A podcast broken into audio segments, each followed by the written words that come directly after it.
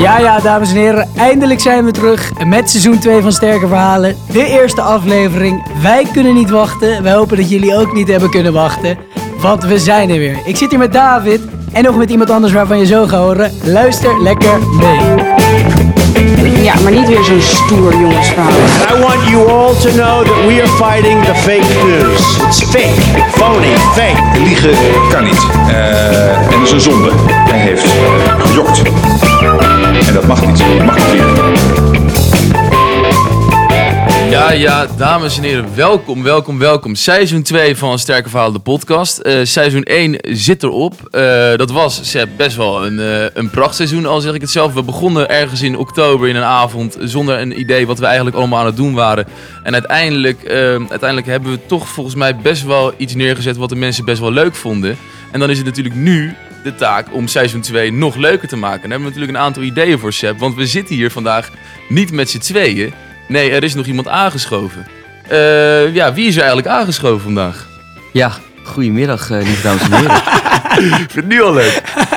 ja, ik ben eh, Pico. Ik eh, ken eh, Seb en David en eh Luttele. Nou, hoe lang zal het zijn? Vijf maanden of zo? Dat is ongeveer net zo lang als het eerste seizoen heeft geduurd. Ja, Daarom, eigenlijk. daarom, eh, daarom. Ik ken ze sinds het eerste seizoen, eh, nummer 1 Stalker natuurlijk. En Mhm. eh, nu ben ik uitgenodigd. In principe hebben we een vriend van de show uitgenodigd. Ja. eh, als meedoen aan de show. Yes, Dat want, kan allemaal. eh, in dit tweede seizoen gaan we een aantal dingetjes een beetje anders doen. Kan en jij, inderdaad, direct ja, natuurlijk. kan jij inderdaad even aan de luisteraars uitleggen, Daaf, Ja. hoe de opzet is? Want we gaan in seizoen 2, behalve dat we met z'n drie aan de slag gaan, gaan we het gewoon anders doen. Het Daarom. nieuwe spel. Kan jij het nieuwe spel uitleggen? Kijk, eh, in het eerste seizoen probeerden wij elkaar iedere week eh, op te lichten. Ver- ver- vertelden we elkaar drie verhalen en daarvan was er één niet waar. Dan was het aan die ander om die te raden.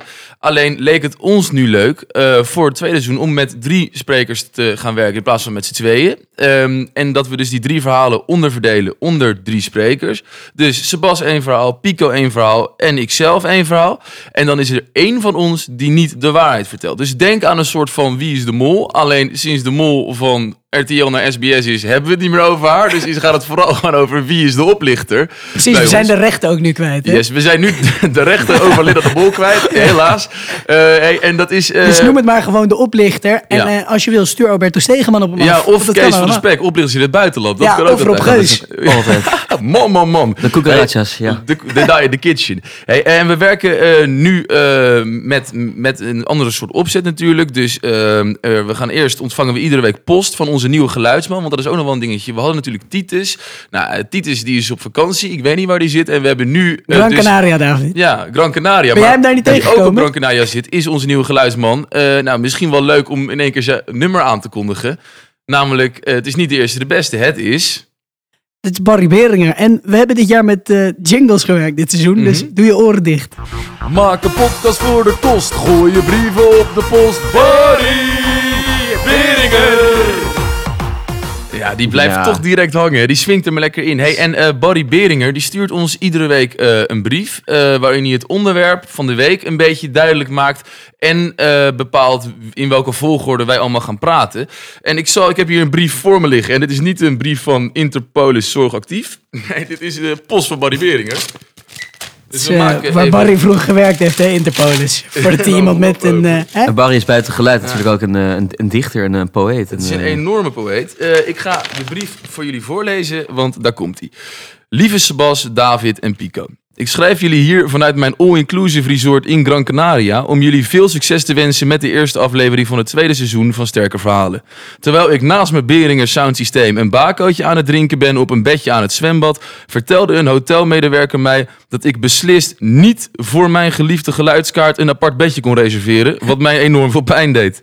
Na de regels van het hotel door te hebben gelezen, viel mij inderdaad op dat in artikel Dos Tres Dos van het hotelreglementos van Resort Albatros op het, eh, op het gehele eiland is het namelijk verboden om uw podcastbekabeling mee te nemen naar openbare plekken met een recreatieve aquafun-bestemming.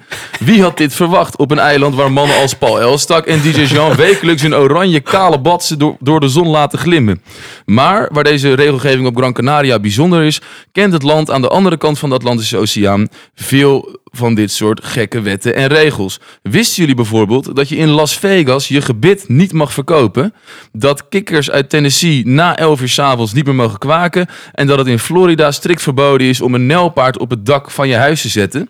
Voor aflevering 1 is het onderwerp dan ook Amerikaanse wetten. Twee van jullie zullen de waarheid vertellen. Eén van jullie vertelt een sterk verhaal. Maar wie oh wie worden er geloofd en wie wordt dit fataal? De volgorde voor de aflevering is eerst Bas, dan David en als afsluiter Pico. De groeten van Gran Canaria en tot schrijfs jullie penvriendje Barry Beringer. Barry, hè? Barry hoor. Het is maar Daaf, mag ik hier wat over zeggen? Mhm. Ik vind, ik vind toch, eh, ik, ik neem hem snel met, met heel veel liefde in me op Barry. Als ik hem zo hoor praten, hij is een stuk hartelijker dan Titus, die met de Beringer boven je hoofd stond. Dat is wel 100% waar. En, ja, en, en ja, Barry is, is zo'n open jongen waar je gewoon snel vrienden mee wordt. Het is een, het is een hele leuke, guitige kerel.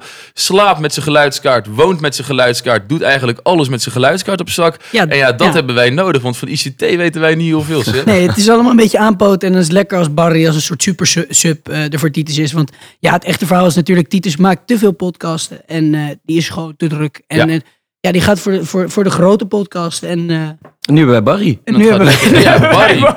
Dat is prima. Hey, ehm, en dan het onderwerp, namelijk Amerikaanse wetten en regels. Nou kennen we natuurlijk allemaal wel zo'n bericht wat je af en toe op Facebook langs ziet komen. eh, dat, oké, de tien raarste wetten in Amerika. En dan lees je inderdaad Ja, van dit soort ja, dingen ja, als geen nijlpaarden op het dak. Niet meer dan zes dildo's in Texas, heb ik gehoord. Dat soort dingen. Dat In je jou- huis. Ben ik in je bijna opgepakt nog? Die tekst. Hey, je, mag, je mag goudvissen niet dronken voeren. Ja, En wat ook meteen, toen jij Amerika net zei, door mijn hoofd schoot, het heeft niet zo met wetten te maken, is Americo het paard van Ankie van Grunsven. nou, Americo is het paard van Sinterklaas. Eh, je bent in de war met Salimero of Bonfire. maar dat terzijde. Eh, misschien ooit nog de aflevering over veeteelt. Ah, ik ben Eh, zo slecht met Concordia Peak. Ja. Ja, Amerika is is wel mijn favoriete schimmeltje op de, ja, op de daken ook, om zo te zeggen. Ja, dat Ja, is maar zo. Pico, je hebt een verleden met paardrijden? Ik heb een verleden met paardrijden, ja. Ik Dat heb, weet ik toevallig, in het dat weet ik heb een eh, anderhalf jaar paardrijden gezeten en eh, dat was eh, genieten. Was het een succes? Nou, het, eh, het zat eh, in draf, om het zo te stellen. En eh, ja, het, het was heerlijk. Totdat het, eh het noord al toetsloeg en eh Geeltje moest worden ingeslapen. Giel. Gieltje? Nee, Geeltje, want het zat een gele vacht. Geeltje. En niet Ja. te verwarren met de 50 euro. Nee, niet vooral. Of de 25, dat weet ik ook allemaal. Maar laten we vooral beginnen met, het, eh, met de eerste feitjes. Eh Barry Beringer heeft gesproken. Sebas, volgens mij was jij degene die als eerste aan de beurt was. Dus steek vooral van wal. Feitje nummer 1. Nou jongens, eh, om het over Amerikaanse wetten te hebben, ik ben er natuurlijk net geweest. En eh, zoals jullie weten ben ik eh, rond de kerstdagen in San Diego geweest. Ja, het was het juiste moment, want de inwoners van San Diego zijn namelijk zeer grote fans van het kerstfeest. En nou, ze laten daarom een kerstverlichting ook graag zo lang mogelijk hangen. Ik wil ook even twee andere mensen laten horen die hun kerstverlichting ook altijd lang laten hangen. Snel en allemaal het godverdomme gelijk. Is dat er ben je de dag vanaf? Ach, lukt niet, godverdomme. Ik heb wat anders te doen dan die, die, die, die, die achterlijke kankerrieterzoon. Ja, Tini en Lau hadden de kerstverlichting natuurlijk ook lang hangen, maar dat wisten we al. Maar in San Diego is het een echt groot probleem. Het viel me op. Ehm, het is te lang volgens velen ook. Daarom heeft de County of San Diego een oplossing gevonden. Als jij de stekker van je kerstverlichting er niet voor 2, februari, 2, 2 februari uittrekt, dan zwaait er wat. Namelijk het zwaailicht van een politieauto in je voortuin, die, die een boete uitschrijft van maar liefst 250 dollar. Plus het bevel om ze zo snel mogelijk te verwijderen. Ja, Oké. ja dit is... eh, Nou ja, eh, Piek, eh, dit kennen wij volgens mij allemaal wel. Namelijk in elk dorp heb je een straat die tijdens eh, het WK helemaal oranje is. En toevallig is altijd diezelfde straat ook tijdens kerst helemaal versierd. gekke de over nummer puntjes. 31, zo gaat het dan. Daarom, daarom, daarom. En die doen ook mee aan wedstrijden als Mijn Straat is de gekste. En dat, dat soort SBS-programma's die Linda de Mol nu misschien wel gaat presenteren. Ja, of John dat Williams. terzijde. Ik vind het echt een John Williams. Maar eh, oké, Eh, in San Diego moet je voor 2 februari moet je je, eh, je kerstverlichting eraf hebben gehaald of mag je niet meer aanstaan. Dat is eigenlijk het ding. Dan krijg je een boete van 250 dollar en het bevel om ze direct af te halen. Ja, kijk, nou was jij daar natuurlijk tijdens kerst. Hebben mensen daar, is, is, kerst, is kerstverlichting daar echt zo'n groot ding dat je dit soort regelgeving daarvoor moet gaan maken? Nou ja, het viel mij op dat het echt, die straten waar jij het over hebt, dat is daar om de haverklap. Elke hoek die je omrijdt, word je in je ogen geschenen en denk je dat een tegenligger is. Maar dan is iemand die de kerstverlichting in zijn tuin te hard heeft aanstaan. Want als ik denk aan, aan Amerika, dan denk ik aan veel best wel vrijstaande huizen en Mhm, veel ruimte ja. ook. En zeker in. Californië, veel ruimte. En in Nederland heb je natuurlijk van die straten, nou ja, daar heb je zoveel lichtvervuiling dat je misschien wel niet kan slapen in de avond. Omdat je buurman ze, ze, ze, ze knipperende kerstman Maar dat is juist precies waar het probleem ligt. Want eh, op een gegeven moment was het zo erg klagen over en weer. Omdat die vrijstaande huizen, die hebben juist te veel ruimte. En al die ruimte vullen ze met hele lichtshows. en Mhm. Oh, hele joh. kerstshows. En wie is inderdaad de gekste van de straat met het kerst, eh, kerstverlichten? En het waren er letterlijk mensen die de politie opbelden. Van ik lig al de hele nacht wakker door de lichtshow van mijn buurman. En ze hebben daar natuurlijk geen rijdende rechter, neem ik aan. nee, Dus geen, ja, dat geen is John Reed en eh, Frank Visser natuurlijk. Frankie Visser, ja. Nee, Maar, eh, ehm, ze hebben daar alleen maar mensen die bezig zijn met hun eigen kerstverlichten.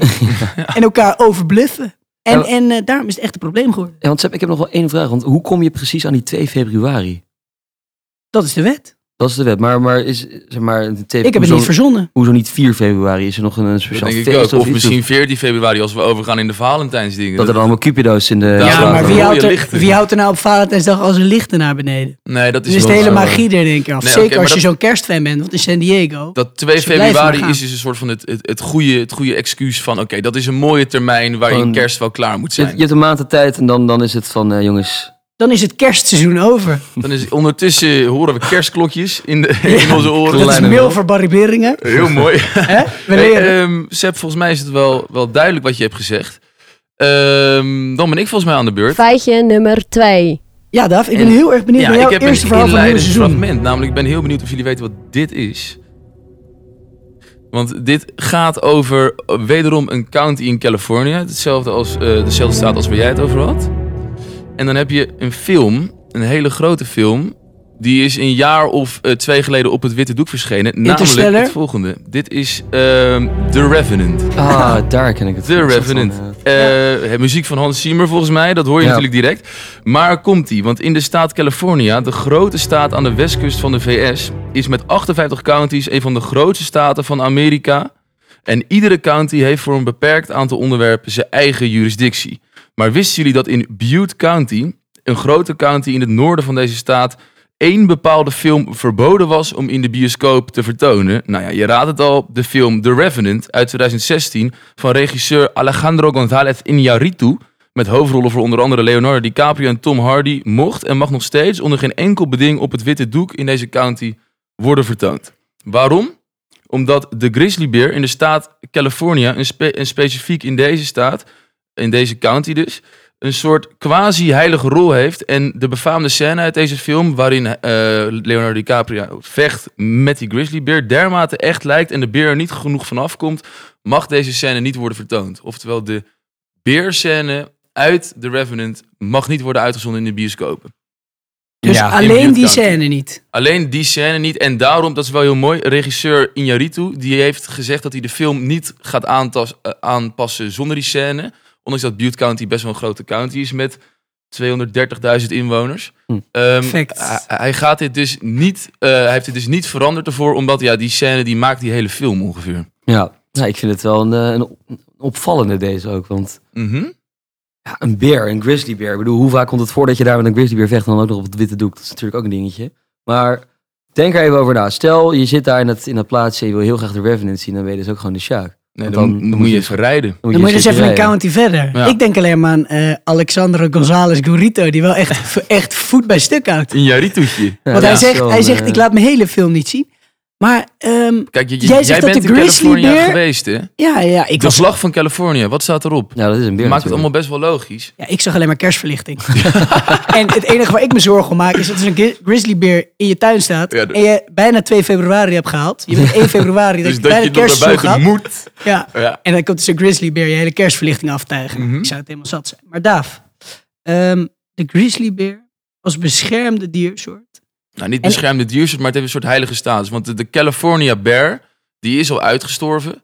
Alleen de beer heeft daar eh, een, een, een heilige status. En dus eh, zeker in die staat, want die staat is een, een van de groenste staten. Dit is de groenste staat van heel California. Ligt helemaal in het noorden tegen Washington State aan. En daar, eh, daar is de beer dus echt, dat mag daar niet. Dus een soort van, als een koe in India heb je de grizzlybeer in Ja, eh, die ik- in In county. die county. Ja. Ja, zeker. Ik vraag me af of die niet een beetje te conservatief is. Te conservatief. Nou, oh, dat heb ik. eh, dit is trouwens mooi. Want namelijk, eh Butte County is één. Wacht, waar, had ik dat neergezet? Butte County is één van de weinige counties in California. eh, die dus al jarenlang bij de verkiezingen rood is. Terwijl het de blauwe staat Het is echt een blauwe staat, ja. ja. Ja. maar natuurlijk heeft iedere blauwe staat ook Zo rode zie je dat. Sterke Verhalen, de podcast, ook gewoon een politiek praatprogramma kan zijn. Maar dan voor kinderen. Vol En informatie. de grootste stad van Butte County heet Palermo. En dat is wel geen geitje. Daar we wonen daar voor Italiaanse volkszangers. Ja, ja, ja, dat is wel mooi. Grizzly Bears en Italiaanse Nou, Daaf, ik denk dat ik even mijn eh, eh, vragen voor zometeen nog laat. En dat ik het wel eventjes eh, geloof. Ik, eh, ik vind het wel En dat een, het eh, eh, aan Pico is. ik vind het wel een Pico, sterk ben je, het, verhaal. ben je het hiermee eens? Piccolini. Een goed Ik verhaal. vind het wel een sterk verhaal hoor. Want Ik heb eh, eh, toch een beetje mijn twijfels bij Juan Igares Garrito. Alejandro Iñárritu, die ken je niet? Die heeft eh, de Oscar gewonnen voor die film voor beste nee, nee, nee, maar dat hij zo erg voet bij stuk houdt. Vind ik bijzonder. Voor 230.000 man die een film bekijken die miljoenen keren over de kop is gegaan. Lijkt me niet. Maar Piek, Nou, in ieder geval, voor mij vliegen we naar eh, de Sunshine State met de sinaasappjes op de nieuwe borden. Florida. Feitje nummer 3. Heerlijk. Florida. Lekker pensionale leventje, Sarasota, goede timeshare, je wilt. maar eh, het probleem is, als je daar aankomt, ja, weet je, Amerikanen die houden van, zoals ze zelf noemen, wieners en franks, om het zo te zeggen. Mhm. Klein eh, geluidsfragmentje om het even in te luiden.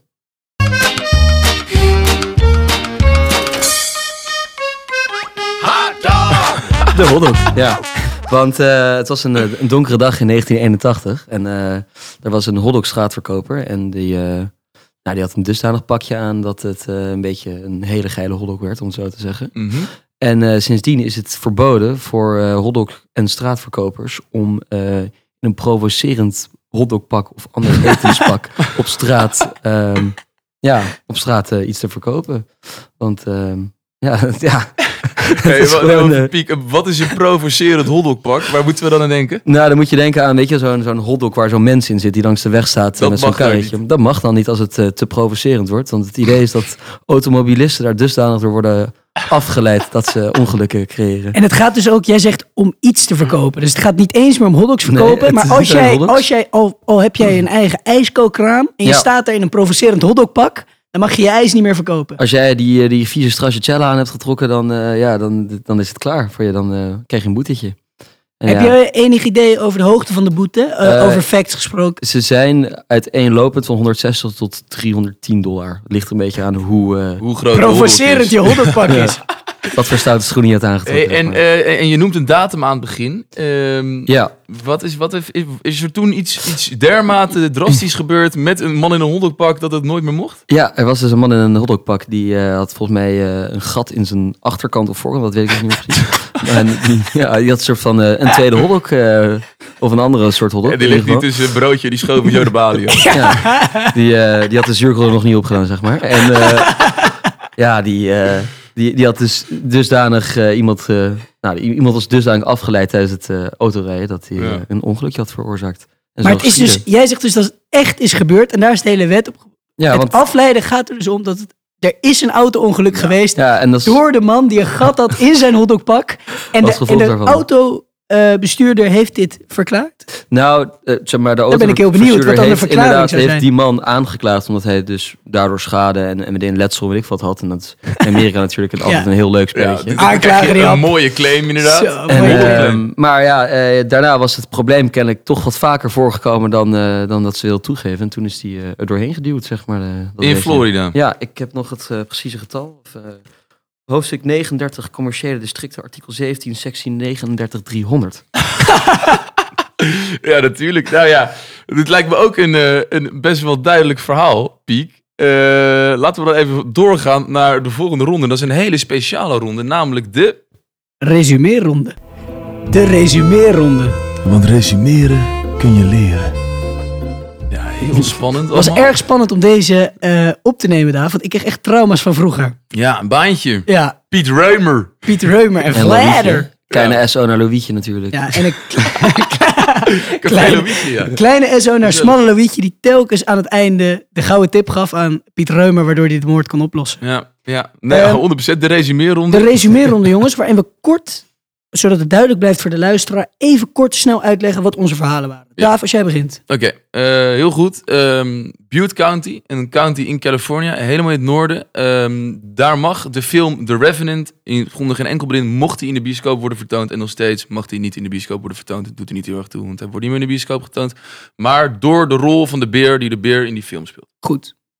Nou, je mag in Florida niet in een provocerend of straatverkooppak op straat staan, omdat er dan dus ongelukken zouden kunnen worden veroorzaakt. Uh-huh. Ehm, kerstverlichtingsseizoen San Diego. kerstverlichtingsseizoen San Diego duurt tot 2 februari. Anders staat er een politieauto in je tuin. Ja. Nou ja, heel duidelijk. Alle verhalen even kort gehoord. Is het nu wel tijd dat we overgaan naar het kiezen van de oplichter. Want we kunnen elkaar allemaal in elkaars kraaloogjes aankijken. Maar één iemand is hier natuurlijk slap uit zijn nek aan het lullen. Wie ligt hier de boel op Ja. en op wie sturen we Alberto Stegeman Nee, af? Dat we- zoeken we uit aan de hand van drie vragen. Yes. Als eerste, welk verhaal is er het meest ongeloofwaardig? Welk verhaal? Nou ja, sorry, maar ik denk echt die hotdog. Ja, je- het spijt me heel erg. Ja, Provocerend in een hotdogpak staan. Ik vind het heel- ja. ongelukken ontstaan, maat. ik vind het heel moeilijk dat er inderdaad iemand die een claim heeft gedaan dat er een gat zat in een hotdogpak. Ben je dan Eh. überhaupt ooit op de weg aan het letten als je dit ziet? Dit is, Ja, dat, het- ja, het was in een klein straatje om het even iets nog... eh, Je, maar je bent er dus aan het rijden eh, door Florida. Ja, je hebt er natuurlijk veel dingen om om je heen te kijken. Want het is een prachtige staat. De Sunshine State, zoals je het al zei. En dan, dan, dan let je op een man in een hotdogpak. En dan heeft hij dus ergens een gat. Dat valt je ook nog op. En dat brengt je zo van je apropos. Brengt je zo van de leg dat je hem in de berm zet. Ja. ja, ik had het gisteren bijna nog, moet ik zeggen eigenlijk. Maar dat, ja, hier is strafbaar. Ja, was je, dus- was je weer bij de Subway? Ik voor de was weer fo- naar de? Subway. Footlong, eh, footlong hotdog, ja. Nee, eh, Ehm, nou ja, dus als ik zou mogen zeggen welk verhaal ik het minst geloofwaardig vind, ja, puur op het verhaal, dan zou ik toch voor het hotdogkie gaan. Dan zou ik ook voor het hotdogje gaan. Al wil ik wel zeggen over jouw verhaal, Seb. Dat het is wel heel toevallig dat jij nu met een verhaal over San Diego komt. Terwijl je ehm, daar natuurlijk net bent geweest. En dat is misschien dan haakt een beetje in op de volgende vraag.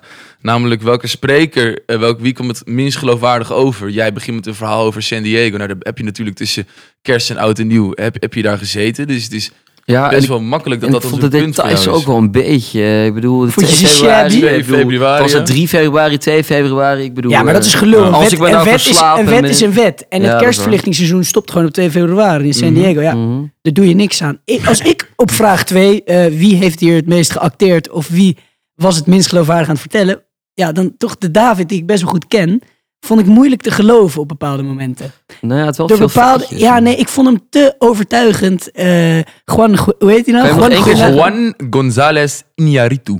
Juan, Juan. González van Als je, Scorrito. als je wil weten Ja, die- hoe, je, die- hoe je die naam schrijft, ja, eh, kijk Ja. dan vooral op onze social media. Ja, kijk dan vooral op onze social media. Het duurt echt heel lang. Ik vind, als het gaat hier om acteren, jongens, David.